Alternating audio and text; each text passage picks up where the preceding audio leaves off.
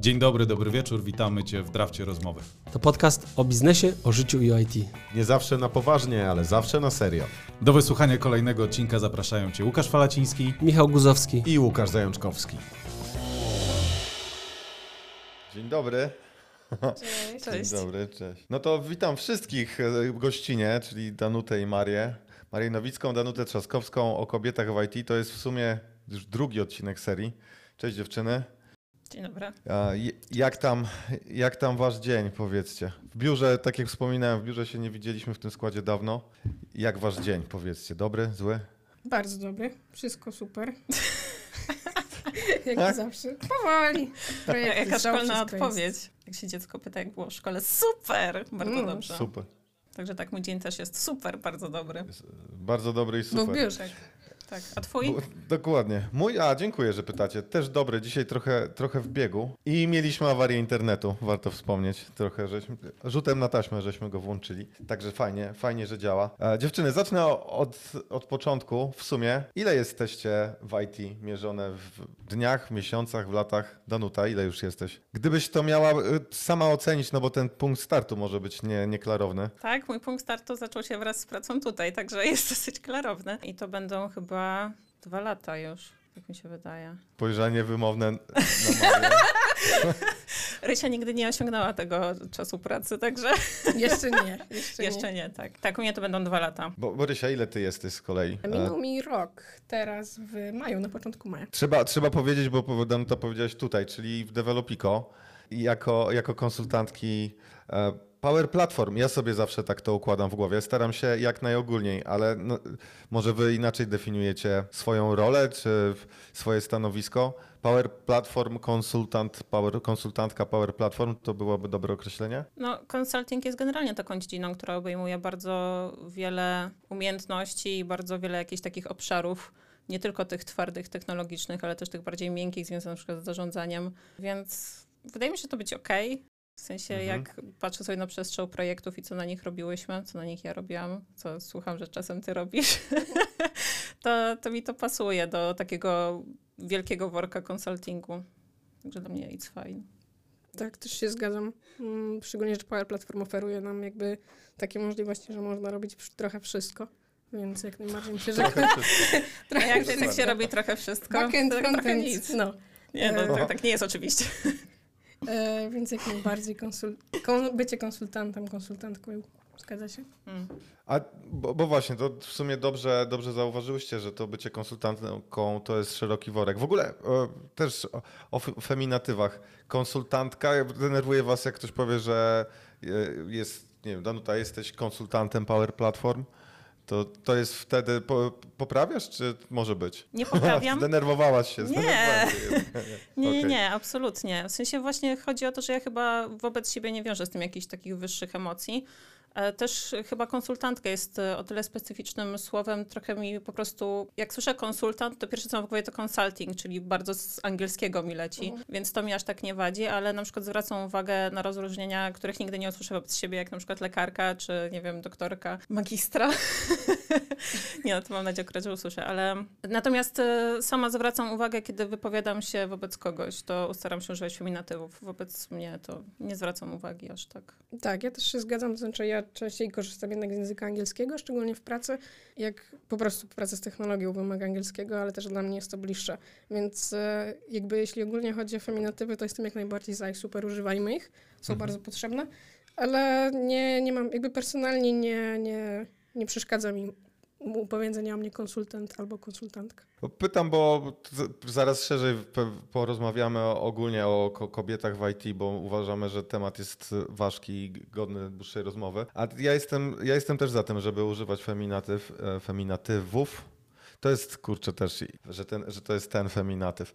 E, Ktoś powinien w słowniku delikatnie zmienić. Myślę sobie, jesteście gościniami, jak e, ja to rozumiem. Mnie to słowo już nie razi. Kiedyś miałem takie, że o, nowe, ale to chyba kwestia osłuchania. E, Niektórzy podcasterzy używają osoby goszczące albo osoby słuchające. To taki wydaje mi się trochę na, naokoło. Może z innej trochę dookoła, ale uważam, że ten temat też zahacza o, o kobiety w IT, o język generalnie. Tak jak mówicie, no w angielskim to nie ma znaczenia większego, ale powiedziałyście rzecz fajną, że ten konsultant, ta konsultantka These Consultants, oni mają dość szeroki worek, jeśli chodzi o narzędzia. Tam są narzędzia miękkie i twarde, chyba w najprostszym roz, rozróżnieniu. I teraz, bo jeszcze będąc przy tych twardych, macie jakieś preferencje? Maria, masz jakieś preferencje, jeśli chodzi o technologię, że na przykład jest to, e, nie wiem, backend, SQL, Dataverse, Power Automate, czy raczej wszystko jest twoje ulubione?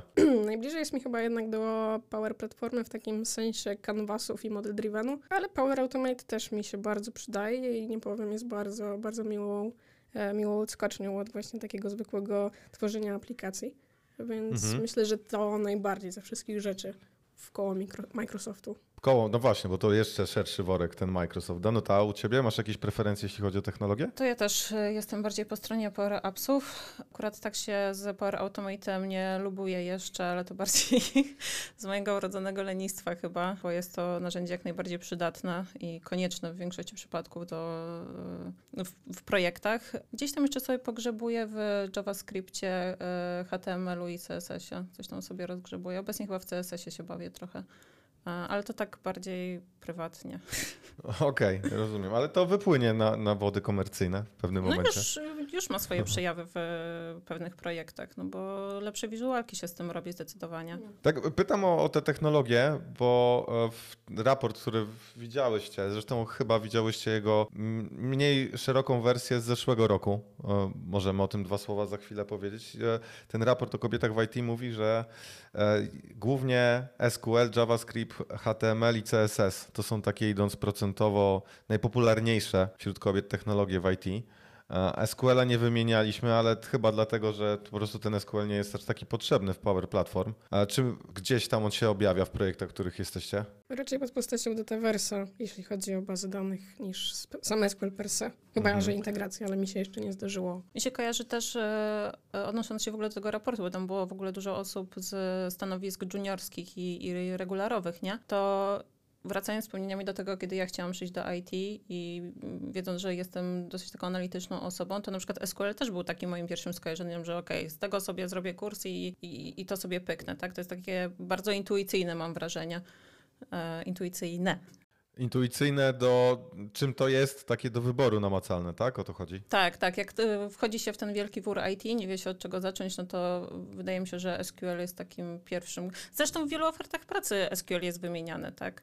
Mhm. E, związanych z, z informatyką szeroko pojętą. No i ma przede wszystkim dużo szybszy próg wejścia niż Tak. pozostałe programy. No tak, to, to, to, ta- tak się wydaje, bo tam też jednak, żeby być biegłym, to trzeba trochę czasu poświęcić, to, to Mhm, prawda. Tak, jasne. A, ale co było w Danuta w takim razie przed IT? E, To znaczy, jak prze- dwa lata wcześniej te, te, też był świat. Tak. To z, bezpośrednio z, z jakiej, nie wiem, branży, działki biznesowej, komercyjnej przychodziłaś, czy edukacyjnej? Ja bezpośrednio przychodziłam e, z pracy w dużej korporacji z, zakresu Wielkiej Czwórki.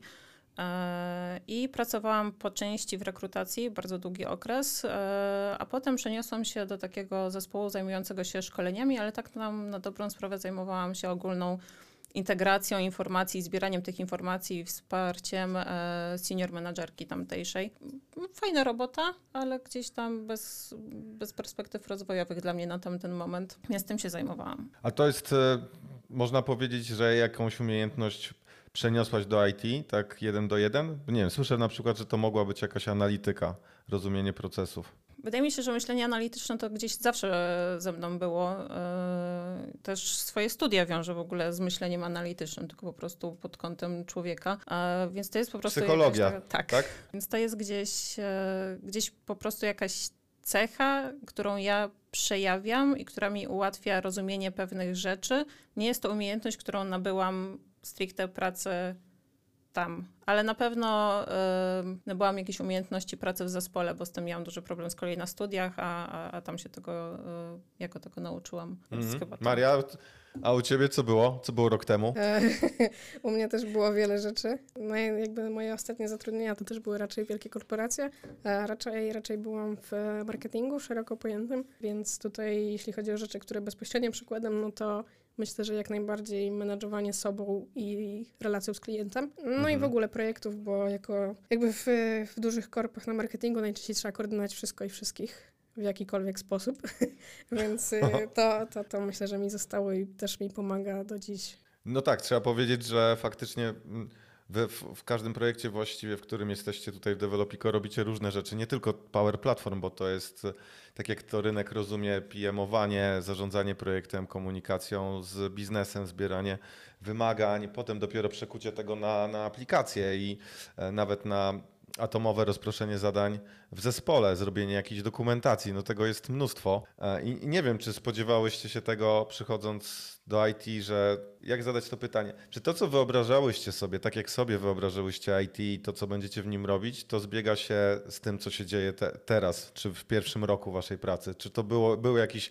rozdźwięk pomiędzy tym? Maria, jak patrzyła, jak myślałaś, co się wydarzy, to to się wydarza? Czy, czy nie? E, chyba troszeczkę tak, to znaczy nie do końca byłam e, pewna, z czym to się je tak w 100%, w sensie w jakby wcześniej jeszcze pracowałam w grantach naukowych, więc gdzieś tam miałam jakby takie bliskie, bliskie zbliżenie z IT, po prostu jako pracując z osobami, które pracują w IT. No ale jednak e, pracując samemu jako osoba, która i właśnie PMuje i robi projekty, no to na pewno zaskoczyła mnie na przykład, ile czasu poświęcam na dokumentację chociażby.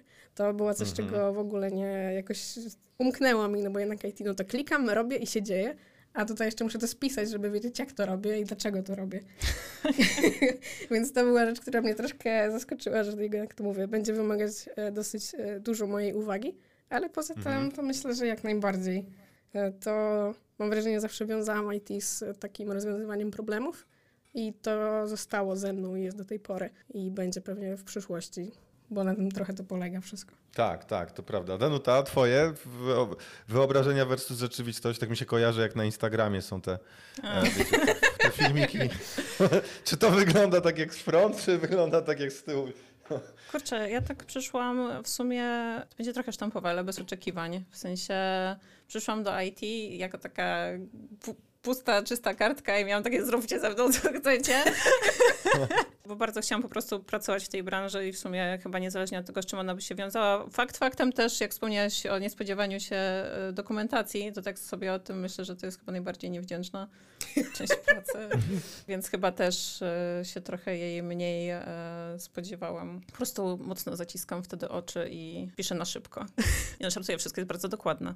tak, tak, zgadza się, czytałem te dokumentacje. Ale to w takim razie, jak przyszłaś jako, tak jak mówisz, czysta kartka, to jaka była motywacja, żeby. Bo jak ja to sobie rozumiem, to trzeba trochę wyczyścić. Żeby ta kartka była czysta, to musiałeś trochę rzeczy zostawić za sobą.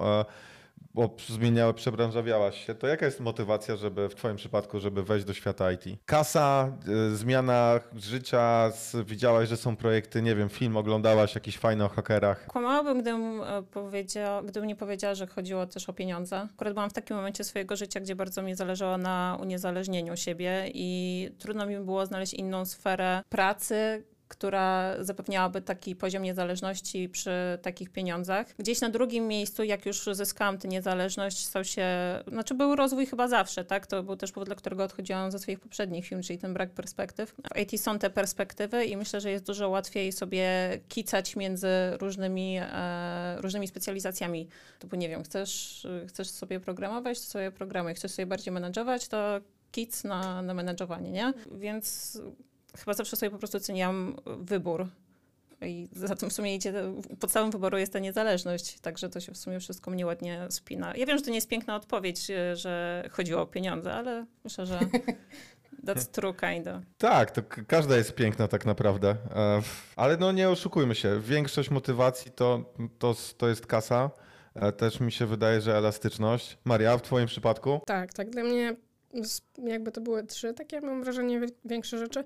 to znaczy pierwsze jak najbardziej pieniądze, to też był dla mnie okres y, jakby wejścia w takie dorosłe życie, że już muszę się usamodzielnić i muszę sobie poradzić, więc jak najbardziej pieniądze zawsze fajnie. Drugą rzeczą właśnie była ta elastyczność i to, że no, mam wybór właśnie, co mogę robić i że to nie jest takie zamknięte, w sensie tak jak moje poprzednie prace wszystkie oscylowały mniej więcej zawsze na tych samych obowiązkach, to no niezależnie od tego, jakby ile mam różnych projektów, ile różnych klientów, to nadal to było zawsze to samo, tylko po prostu czasami inaczej się troszkę nazywało. E, tutaj jednak mam dużo większą ilość tych zadań, które są bardziej różnorodne, nawet jeśli są powtarzające się, no to jakby nigdy nie, jakby przez to, że ja to tworzę, no to nigdy nie robię tego samego cały czas, bo mogę jakieś nowe rzeczy nowych się uczyć, nowe odkrywać i tak dalej. A trzecią rzeczą mam wrażenie, że było właśnie też e, ta moja ciągota zawsze e, do rozwiązywania problemów i to zawsze mi się gdzieś tam przejawiało. I przez przypadek odkryłam UX na studiach i zarządzanie właśnie metodyką design thinkingu i jakoś tak potem już poszło pr- prosto na IT. No tak, to ten UI, UX jest dość, dość istotny. Rozwiązywanie problemów też, no bo tak jak mówicie, to właściwie ciągle. Może na, nie nazywamy tego problemem, bo problem kojarzy się z jakąś awarią, pożarem, ale jak klient do nas przychodzi, to można powiedzieć, że przychodzi z jakimś problemem, bolączką i my go rozwiązujemy, więc to chyba tak jest zawsze. Mówicie o, o rzeczach kreatywnych też e, częściowo. Jakbyście miały procentowo powiedzieć, to ile jest kreatywnej roboty w, w tych zadaniach, które macie na co dzień, a ile jest takiej odtwór, odtwórczej, rzemieślniczej, bo żeby nie było, ja uważam, że to rzemiosło jest super istotne i to też jest sztuka robić coś enty raz i robić to dobrze i w skupieniu. Nie wszyscy mamy do tego predyspozycję tak ogólnie, E, ale ile byście powiedziały, to jest kreacja, a to jest dokumentacja i inne nieciekawe rzemieślnicze rzeczy. Robienie aplikacji to też jest trochę taka rzemieślnicza robota i tworzenie rozwiązań. W sensie ja mam trochę problem ze słowem kreatywnym, bo nigdy nie uważałam siebie za osobę kreatywną. Z drugiej strony próbowałam sobie w międzyczasie, jak o tym mówiłeś, rozbroić to słowo, że to jest branie rzeczy, które się zna i układanie ich na nowo, bo to nie jest w sumie bycie kreatywnym. Ale wydaje mi się, że Dobre 30. Spoko, ale to 30? w- większość czy mniejszość? Rozumiem, że mniejsza, mniejsza część to kreacja. No, myślę, że tak. Znaczy, dla mnie kreacją też trochę jest właśnie działanie takie, że okej, muszę się uczyć jakiejś rzeczy i je szukać.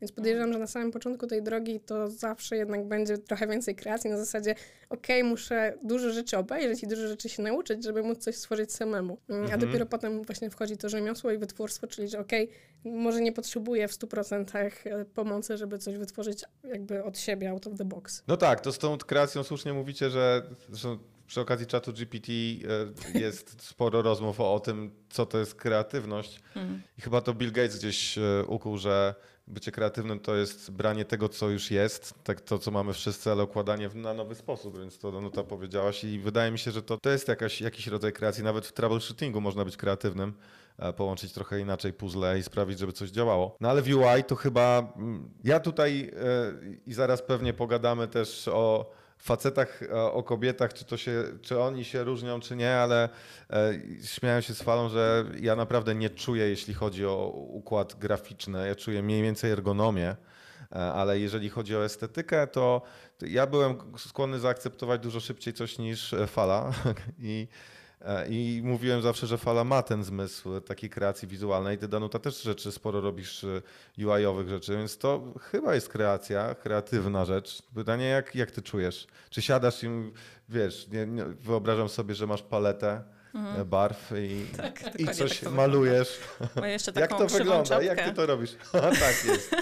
Dla mnie praca związana z UI-em to też jest praca trochę analityczna mimo wszystko. No, musisz wziąć brandbooka, musisz to ułożyć odpowiednio, musisz to zrobić zgodnie z jakąś sztuką i wiedzą, tak? E, Ja też na przykład jak wcześniej się zajmowałam e, rysunkiem, to e, gdzieś usłyszałam, że to też jest w sumie praca analityczna, która wymaga takiego siedzenia, skupienia i faktycznie analizowania krytycznego myślenia tego, co się widzi i przenoszenia tego w sposób no teraz po- powiem e, a propos UI, tak, sposób przystępny dla klienta, tak, e, i który, e, i w ogóle dla, dla oka. Bo rozumiem, że to jest o tyle trudne zagadnienie, że wydaje się, że łatwo jest prowadzić do tego, że coś nam siada, coś nam nie siada, tak, jak patrzymy na aplikacje, ale wydaje mi się, że, że większość ludzi ma jakieś poczucie estetyki, tak, i mm, może z punktu widzenia użytkownika trochę łatwiej nam e, tym poczuciem operować. Łatwo nam stwierdzić, która apka wygląda fajnie, a która apka wygląda kiepsko, może trochę trudniej to jest po prostu robić projektowo, bo, bo tracimy ten, e, ten obiektywizm użytkownika. Nie wiem, czy to odpowiada na pytanie.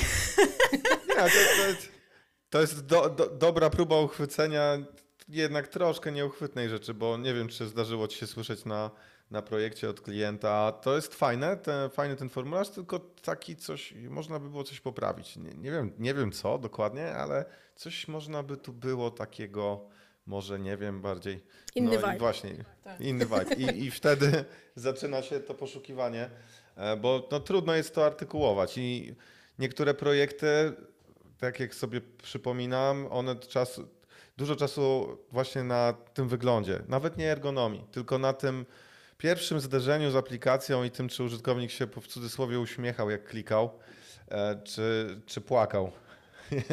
I, I, to, jest, to jest dość istotne. A powiedzcie, Maria, jak ty patrzysz sobie na tę branżę, z której przyszłaś i tę, w której teraz jesteśmy, czy biorąc pod uwagę tylko komunikację, technologię na bok, czy ona się różni jakoś? Nie wiem, język używany, proces dochodzenia do, do zgody, do zrozumienia rzeczy po obu stronach. Jak to wygląda w, Twoim zdaniem w IT versus Twoje doświadczenia przed IT? Hmm. To znaczy, wydaje mi się, że w IT jest troszeczkę inaczej, na takiej zasadzie, że. Chociaż nie, nie jest inaczej. E, kłamił. Myślałam o tym, e, porównałam swoje doświadczenie akurat tutaj z marketingiem, jeśli chodzi o domy mediowe i wtedy trochę e, to jest inna specyfika branży, no bo po prostu tam wszyscy musimy trochę znać język, z którym się e, stykamy, e, żeby móc z nim pracować, ale na przykład potem pracowałam chwilę w farmacji, która miała połączenie jednak z troszkę IT, ale ja nie do końca zajmowałam się tym IT. I tam jakby było bardzo dużo takiej przestrzeni, która była zajęta przez pojęcia, które były niezrozumiałe dla klienta, a musieliśmy jakby wchodzić na taki poziom szczegółowości, żeby oni rozumieli, co my chcemy im dać. I myślę, że jakby to jest bezpośrednio to samo, na zasadzie, że operujemy trochę innymi językami, jeśli chodzi o my, a klienci i gdzieś trzeba nadal szukać tego wspólnego gruntu i ugruntować sobie jakąś taką wiedzę, źródło prawdy, które mamy i które, do którego możemy jakby wszyscy nawiązywać. Mhm. A Danuta, twoje spostrzeżenia w tym temacie? Czyli ten, ten język, nie, nie wiem jak, jak to ubrać nomen nomen właśnie, pytam o język, nie wiem jakiego, jakiego języka użyć. E, czy, czy język nasz, e, na razie myślę o tej, nasza strona, czyli my konsultanci, oni klienci. Czy, czy ten język jest łatwy do pogodzenia? Czy na przykład ty czasami nie rozumiesz biznesu albo biznes czasami ciebie? To drugie tak, czyli że się czasem nie rozumiemy, ale tak jakby patrząc bardzo podstawowo, to wszyscy jesteśmy tylko ludźmi, tak? I to jest kompletnie naturalne, że jeżeli jesteśmy w czymś obyci, no to dużo łatwiej stosujemy pewnego rodzaju skróty, bardziej specyficzny język, bardziej wyspecjalizowany i trochę zapominamy o tej drugiej osobie, tak jakby, nie wiem, koleżance na kawie opowiadała, co, co ja nowego sobie skleciłam w Power Appsach. No to, to, to, nie przejdzie, ona mnie nie zrozumie i tak samo w rozmowach z biznesem. Nawet, sorki, że ci przerywam, że jak powiesz, że w chmurze coś zrobiłaś. No tak. Ja się na tym złapałem, to już samo to jest skrótem, dość dużym skrótem myślowym. Mhm. Wydaje mi się, że też mm, w sensie to wymaga dużo cierpliwości i takiego zrozumienia dla drugiej osoby, że ona może czegoś nie rozumieć, a to może często też umykać na projektach przez jakąś presję czasową i generalnie na przykład presję z góry, presję nawet sama presja i gdzieś w tym tak. po prostu umyka człowiek e, i, i chęć e, jego zrozumienia, tak? Bo ostatecznie cel jest ten sam przecież i dla, i dla konsultantów i dla biznesu wszyscy chcemy coś dowieść. No tak, czasami się zapomina o tym w projekcie, że to my razem robimy, obie strony tak. do jednego celu jadą i czasami jest przepychanka, że my, wy, a to tak raczej nie, nie, nie powinno być. A ostatnio a propos tego języka, o którym mówisz, e, byłem na konsultacji lekarskiej i pani powiedziała mi doktor, żebym nie jadł e, wędzonych rzeczy. Mhm. I potem e, spytałem ją o suszone owoce i mnie ochrzaniła, że jak to, przecież mówiłam wędzonych nie jem.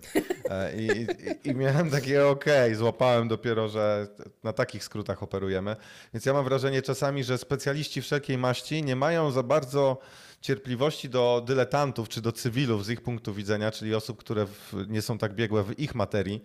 Zawsze też traumatycznie wspominam wizyty u mechaników bo tak ja się boję tam odzywać. Zaraz będzie zjebka, a, ja tylko chcę, żeby ten samochód jeździł. I tak czasami biznes chce, żeby ta aplikacja działała i nie umieją tego, tego wyjaśnić. Pytam też dlatego, że mm, tak jak w wcześniejszych, w tej pierwszej spółce w Infowave mamy programistów, to ja bardziej czułem potrzebę bycia takim translatorem pomiędzy biznesem a grupą deweloperów, bo tu każdy mówił swoim językiem i nie było tego mostka pomiędzy. E, natomiast mam wrażenie, że w, przy w wypadku low-codu Power Platform my jako konsultanci, konsultantki łatwiej się dogadujemy z biznesem, bo mamy ten zestaw narzędzi komunikacyjnych bardziej rozwinięty. E, nie wiem, czy tak czujecie, że, e, że jednak te miękkie rzeczy, nietechnologiczne, są dość istotne e, w naszym przyborniku narzędziowym. naszym, podpinam się pod was, ja jestem w tej technologii tak kiepski, że nie powinienem, bo was obrażam, ale powiedzmy, że mówimy z jednego punktu z y, widzenia ko- kogoś, kto się zna na technologii. Czyli umiejętności miękkie, ważne? Ale czekaj, bo ja tak zrozumiałam, że ty to rozróżniasz przez pryzmat twardego programowania i programowania w Power Platform. E, zmi- Tak, tak, ja mam takie rozróżnienie, że, develop, że konsultant Power Platform e, to jest stanowisko, które jest bardziej e, narzędziowo bogate, różnorodne, o miękkie umiejętności, że tam może od razu być ktoś analitykiem takim biznesowym, deweloper, programista taki na twardo, to jest na twardo programowanie. Jest bardziej wyspecjalizowany w swojej działce. To cofając się do pytania, czy miękkie umiejętności są ważne, są ważne. E, w sensie trudno bez nich pracować z drugim człowiekiem. W sensie to jest utrudnianie i sobie pracy, i tej drugiej osobie. A po co sobie utrudniać pracę? I no nie wiem, chyba koniec zdania. Rysia. Okej, okej. To, to pytanie do Marii, czy ty się zgadzasz e, z tym, co Danuta powiedziała, bo to pierwsza część. Zgadzasz się, że są ważne? Tak, tak, jak najbardziej. To, to spytam cię, jakie twoim, jakbyś miała top 3 wymienić takie miękkie komunikacyjne, nie wiem, strzelam, może nie ma w ogóle takich, to jest, rzucam ci on spot, jak to mówi się w e, amerykańskich podcastach, do których aspirujemy, tylko że my zawsze po polsku. E, Tak jakbyś top 3 miała powiedzieć, e, takie pozatechnologiczne kompetencje konsultantki Power Platform. Hmm, to myślę, że przede wszystkim jako pierwsze to zawsze jest komunikacja, w takim sensie, że trzeba umieć się komunikować i to jest właśnie rzecz, która jakby pomaga nam i w kontakcie klient, z klientem, ale i w kontakcie między, między nami. No ale Mhm. też jeśli chodzi o tą jakby komunikację szerzej, no to potrafienie zakreślać własnych potrzeb e, na przykład. I to jest potrzeb, które mm, jakby my mamy i słuchanie potrzeb klienta i potem dochodzenie gdzieś do tego wspólnego gruntu, więc e, to, to bym nazwała pod komunikacją. I tak, jeśli chodzi o kolejne, no to myślę, że poszłabym w stronę empatii i troski, no na takiej zasadzie, że to zawsze musi być takie stanowisko, że jednak wychodzimy do siebie z empatią i że chcemy jakby mieć jakąś wspólną, wspólną rzecz, którą tworzymy, czyli takiego współmyślenia i raczej kooperacji i podejścia w tą stronę niż rywalizowania ze sobą i e, co bardzo łatwo narzuca nam na przykład presja, bo wtedy wszyscy jesteśmy zestresowani, napięcie wchodzi i później chyba po prostu menadżowanie sobą, czyli jakby świadomość tego, kiedy na przykład jest czegoś za dużo, kiedy możemy powiedzieć hej stop, dzisiaj nie jestem w stanie tego zrobić, wrócę do tego za pół godziny, jak trochę oczyszczę umysł i tak dalej. Mhm. Więc to powiedziałam, że trzy takie ważne to właśnie komunikacja, empatia, troska i zarządzanie sobą. No, ciekawe to zarządzanie sobą. Podoba mi się bardzo. Danuta, masz jakieś top 3 swoje? Czy Ja powiesz, że się zgadzasz z Marią? Dokładnie tak, zmarczuję się z opinią e, Marii. Nic mądrzejszego nie powiem już. Tak, to, to ba- bardzo, bardzo, ładnie, bardzo ładnie powiedziane. E, No dobra, to, to uwaga, na scenę e, wchodzą mężczyźni. Możecie tam wcisnąć taki z horroru przycisk, tam muzyczki, co się bawiłyście, Maria, tam po twojej prawej. To... O Jezus, faktycznie. Ale to śmiechem, żartem oczywiście, ale czy jest, e, powiedzcie, czy widzicie jakieś różnice, bo rynek po pierwsze, takie namacalne różnice e, z tych raportów e, wynikające to to, że na tym samym stanowisku faceci dostają więcej kasy. To dla mnie jest niezrozumiałe i niedopuszczalne. Ale czy wy czujecie coś takiego, e, jakąś dysproporcję? Jest facet, konsultant Power Platform, jest dziewczyna, kobieta, konsultantka Power Platform. I czy, czy jakieś różnice można by było wykazać na plus i minus e, dowolnej ze stron? Tak, jak najbardziej. Tak, jak najbardziej. To, Bęk. to co... Dobrze, bo już się bałem, że kończymy temat.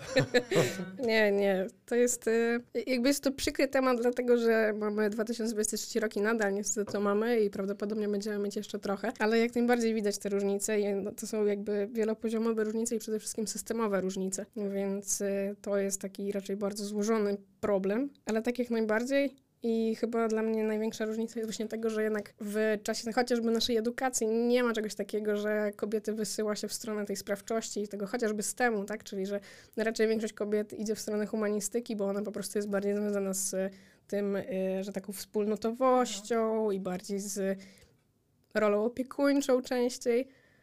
Więc, y, więc myślę, że jak najbardziej ten pay gap zawsze będzie. No i chociażby to, że nie mamy do tej pory mm, tak na przykład chociażby jasno określonych widełek finansowych, to mam wrażenie, że jakby daje dużo przestrzeni na taką Mówisz o zamkniętą... widełkach na stanowisku. Tak, tak, tak.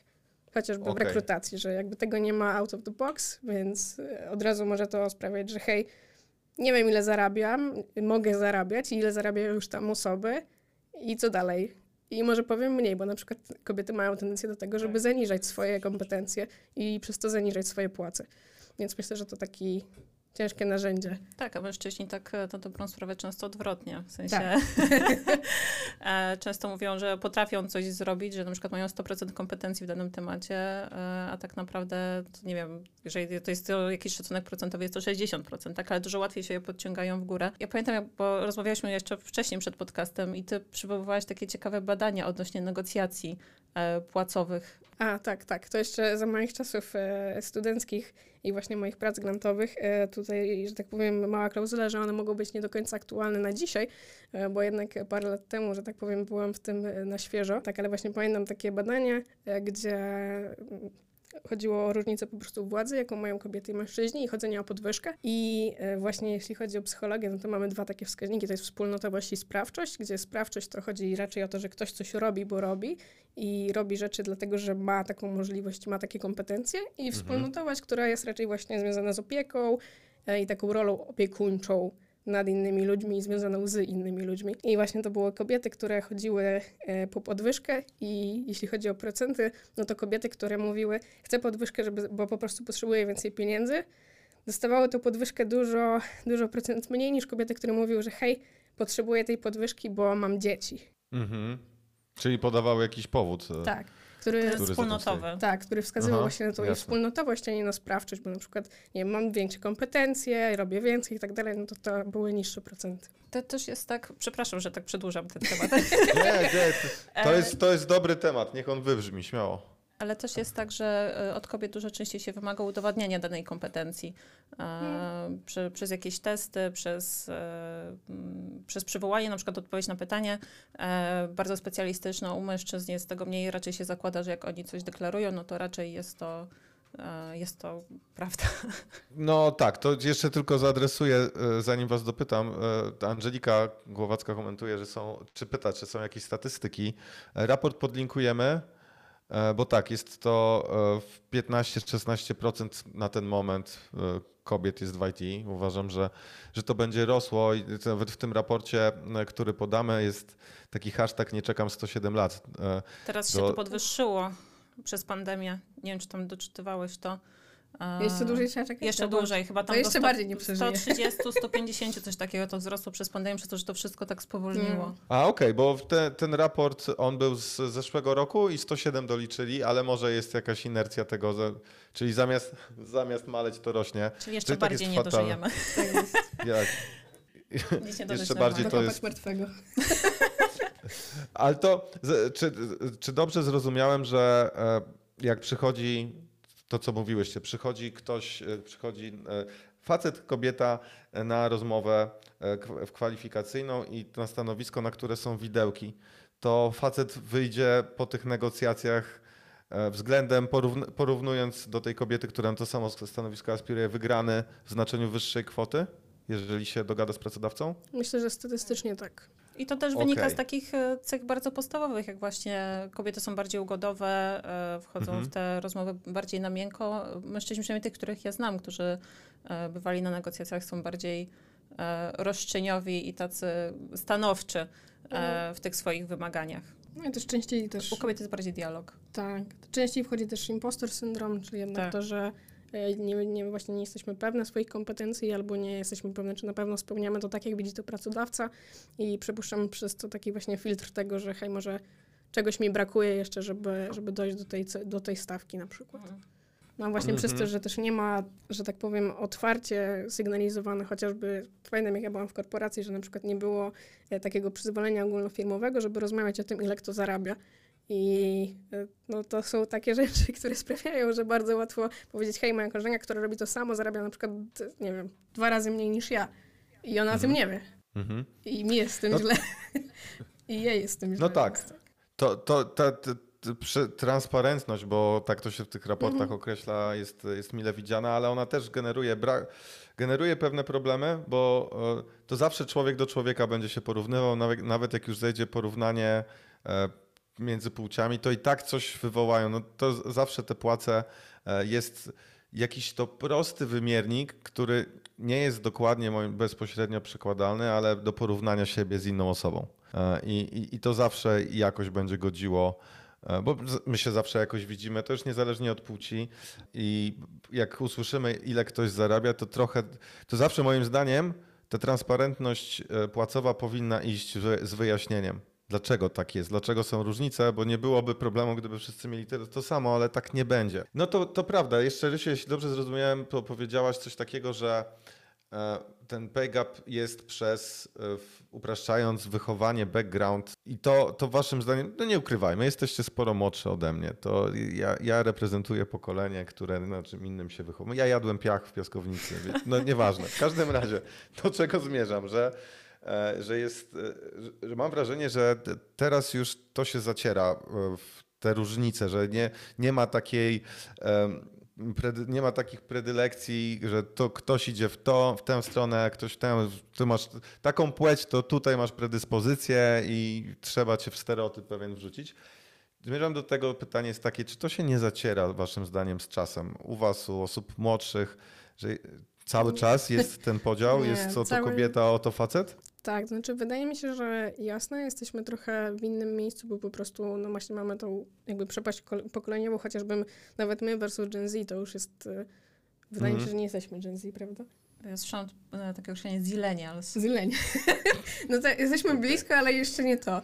E, I też Aha. chociażby tą różnicę, że jednak oni mają dużo większą otwartość, bo też pozwalają sobie na dużo większą otwartość w wielu, wielu mhm. rzeczach. Ale wydaje mi się, że nadal jakby przez to, że chociażby e, jakby pracujemy wszyscy, na przykład my teraz, mamy między sobą też, e, też jakąś przepaść i jakby to występuje wszędzie, we wszystkich organizacjach, to znaczy nie ma tylko firm, znaczy może są firmy, które mają tylko i wyłącznie młode zespoły, których jest 22 lata, to jest średnia, mediana, ale jakby zawsze pracujemy w jakimś, w jakimś środowisku, które no bądź co bądź będzie miało wyższą, wyższą tą medianę i będzie miało wyższe, mm, inaczej nie wyższe, ale różne podejście do życia.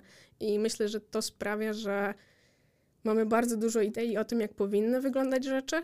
I to nie mhm. jest tak, że też mamy Gen Z, które myślą, że hej, zawsze będzie wszystko super otwarte i, i, i różne, więc y, myślę, że tutaj zawsze trzeba być jednak otwartym i e, wydaje mi się, że wystarczyłoby chociażby sprawdzić, jaka jest teraz różnica, jeśli chodzi o powiedzmy kobiety, które idą na studia na przykład inżynierskie, czy na studia związane mhm. chociażby ze STEM-em właśnie, a na przykład y, dzieciaki, które są, nie wiem, teraz są podstawówka i licea, tak, podstawówka i licea teraz jest, więc podejrzewam, że jak e, za moich czasów chodziłam do liceum, no to jeśli chodziło o klasy humanistyczne i na przykład y, fizyka, matematyka, no to to była dysproporcja ogromna, typu dwie, oso dwa, dwie osoby e, określające się jako mężczyźni w klasie humanistycznej i na przykład tylko dwie mm, osoby określające się jako kobiety w klasie matwis.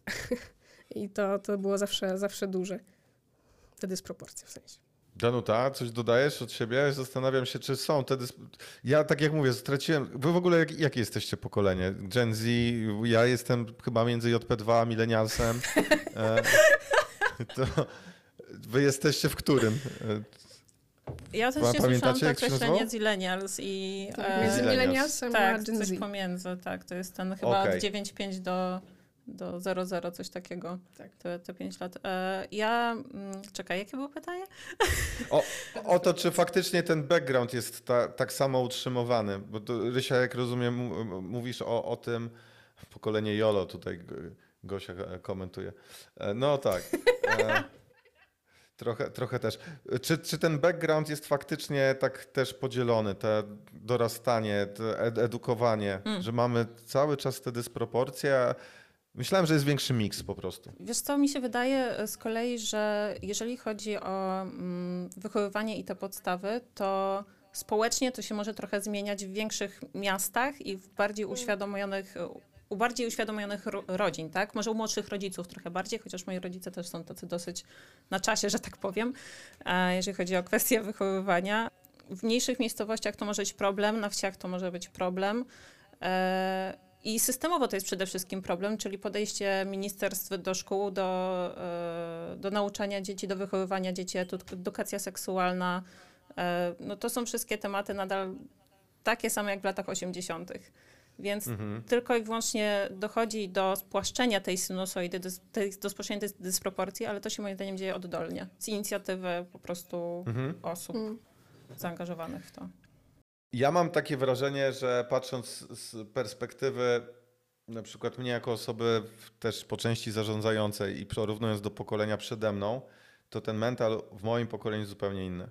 Ja e, nigdy na przykład nie myślałem o płci w, przy zatrudnianiu. Dla mnie to są wszyscy są osobami. Ja nie, nie ła- złapałem się na tym, że w ogóle nie mam w głowie takiego podziału, kiedy na pewno pokolenie mm, przede mną miało dość silną taką weryfikację płci, e, bo już to coś znaczyło. Dla mnie to nic nie znaczy tak naprawdę, więc mam wrażenie, że to się choćby zmienia, ale tak jak mówicie, no, system też nie pomaga, chociaż no już też podejrzewam, że dostępność do tej wiedzy ogólnej, do, nawet ogólnej wiedzy z internetu pokazuje, że, że trochę się to zaciera. W Polsce mielibyśmy najchętniej pewnie lokalny internet, e, który, który wspiera e, głównie słuszną, tak, jedną linię.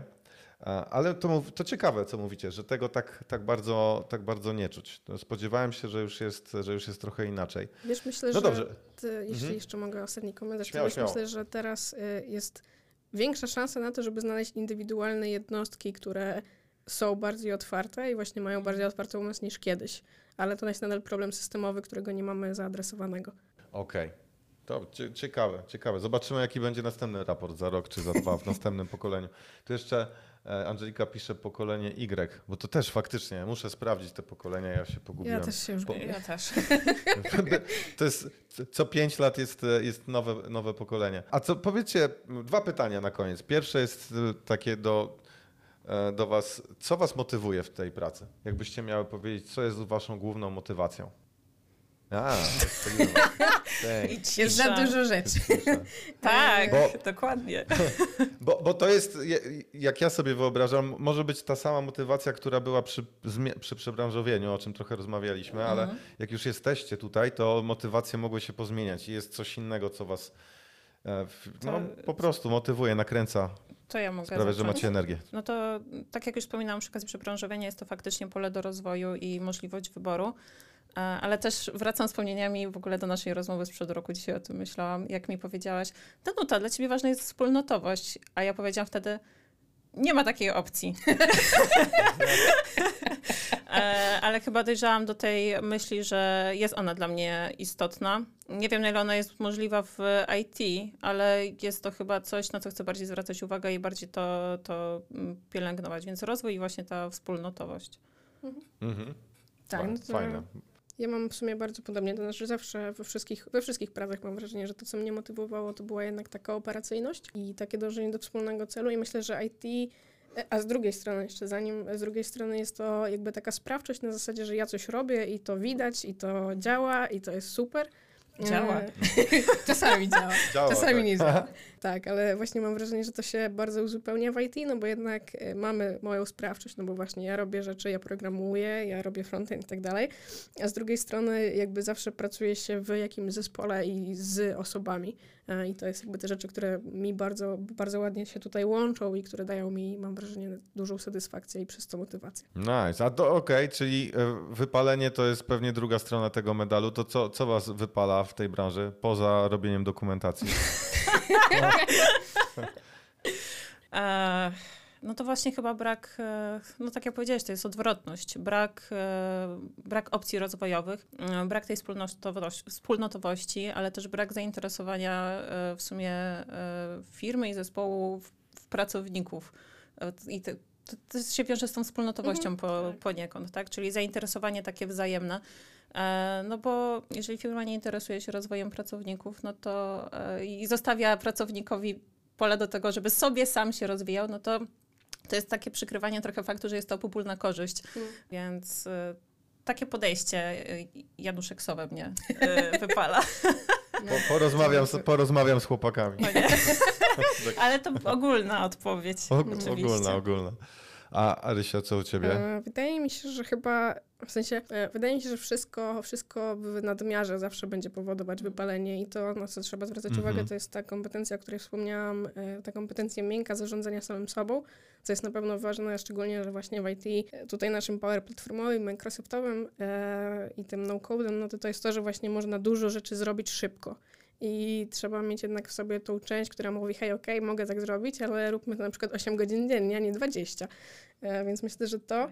A z drugiej strony e, to, co właśnie też jest dla mnie było przerażające, jak jakby wchodziłam w to IT i teraz już jest troszkę lepiej, jak się z tym oswoiłam, ale to, że jest bardzo duża ilość wiedzy, która bardzo szybko się zmienia. I to jest, mam wrażenie, coś, do czego nie jesteśmy przyzwyczajeni też systemowo, bo jednak w szkole uczymy się z tych samych podręczników przez ostatnie 20 lat i dużo się nie I aktualizuje, a lekturki nagle... te same. Tak, a nagle wchodzi się w IT i tam, o, nie było cię dwa tygodnie, bo byłeś na urlopie. Szkoda. Więc. y, Pociąg odjechał, tak. tak. jest. Więc myślę, że to jest taka rzecz, na którą trzeba, trzeba uważać po prostu mieć rękę na pulsie, że jakby spokojnie ten pociąg jeszcze wróci, bo może za trzy tygodnie do niego do, do, dojechać. Czyli też, żeby się, bo to, to czuję, że e, też referujesz do tego, co mówiłeś wcześniej, żeby mieć ten, ten czas dla siebie, nie tylko 8 godzin, a potem czas dla siebie, ale też, żeby mieć tę chwilę, żeby zmienić tempo, żeby trochę się zdystansować, nabrać świadomości. Czasami nie wiemy, co robimy, przez to, że cały czas to robimy. Tak jest. Takie, takie mam wrażenie. No to cóż, to życzę Wam tylko tych rzeczy, które Was motywują, żeby Was nie, nie dopadały te, które wypalają. E, Zrozumiałem przekaz dotyczący dokumentacji e, i, i wspólnotowości. Zresztą widzimy się w piątek na trzecich urodzinach Developico. Na naszym wyjeździe ja też nie mogę doczekać. Mam nadzieję, że to jest element jakiejś wspólnotowości, chyba że ja to źle zrozumiałem, bo my ciągle na Teamsach się widzimy. E, I też Was chciałem o to spytać, czy to nie przeszkadza? To, że my jesteśmy ciągle. To też paradoks, to jest bardzo dobry przykład. E, Ironicznie teraz rozmawiamy zdalnie niby, ale obok jesteście w pokoju. czy, czy Wam to nie przeszkadza, że jesteśmy głównie w dwóch wymiarach? Na Teamsach, na kolach, rzadko w biurze, na spotkaniach 3D w realu? Ja myślę, że to jest e, trochę miecz obusieczny, to znaczy to, co jest super, to właśnie to, że hej, możemy ze sobą rozmawiać nawet jak się nie widzimy, ale mam wrażenie, że jakby tutaj ważny jest też ten wybór, o którym ty wspominałaś, Danuta, że jednak możemy wybrać, że okej, dzisiaj chcę pójść do biura i chcę się zobaczyć z ludźmi i chcę, nie wiem, ubrać się w coś innego niż piżama, e, ale tak, myślę, że to co, to, co mi się podoba, to jest to, że właśnie mogę to wybrać i mogę zobaczyć, z czym czuję się komfortowo. Mhm. Czyli wybór przede wszystkim. Dzięki moje drogie. Naszymi gościniami dzisiaj była Danuta Trzewskowska i Maria Nowicka. Dzięki. Dzięki. A Dzięki. do zobaczenia za chwilę przy kawie. Cześć, cześć.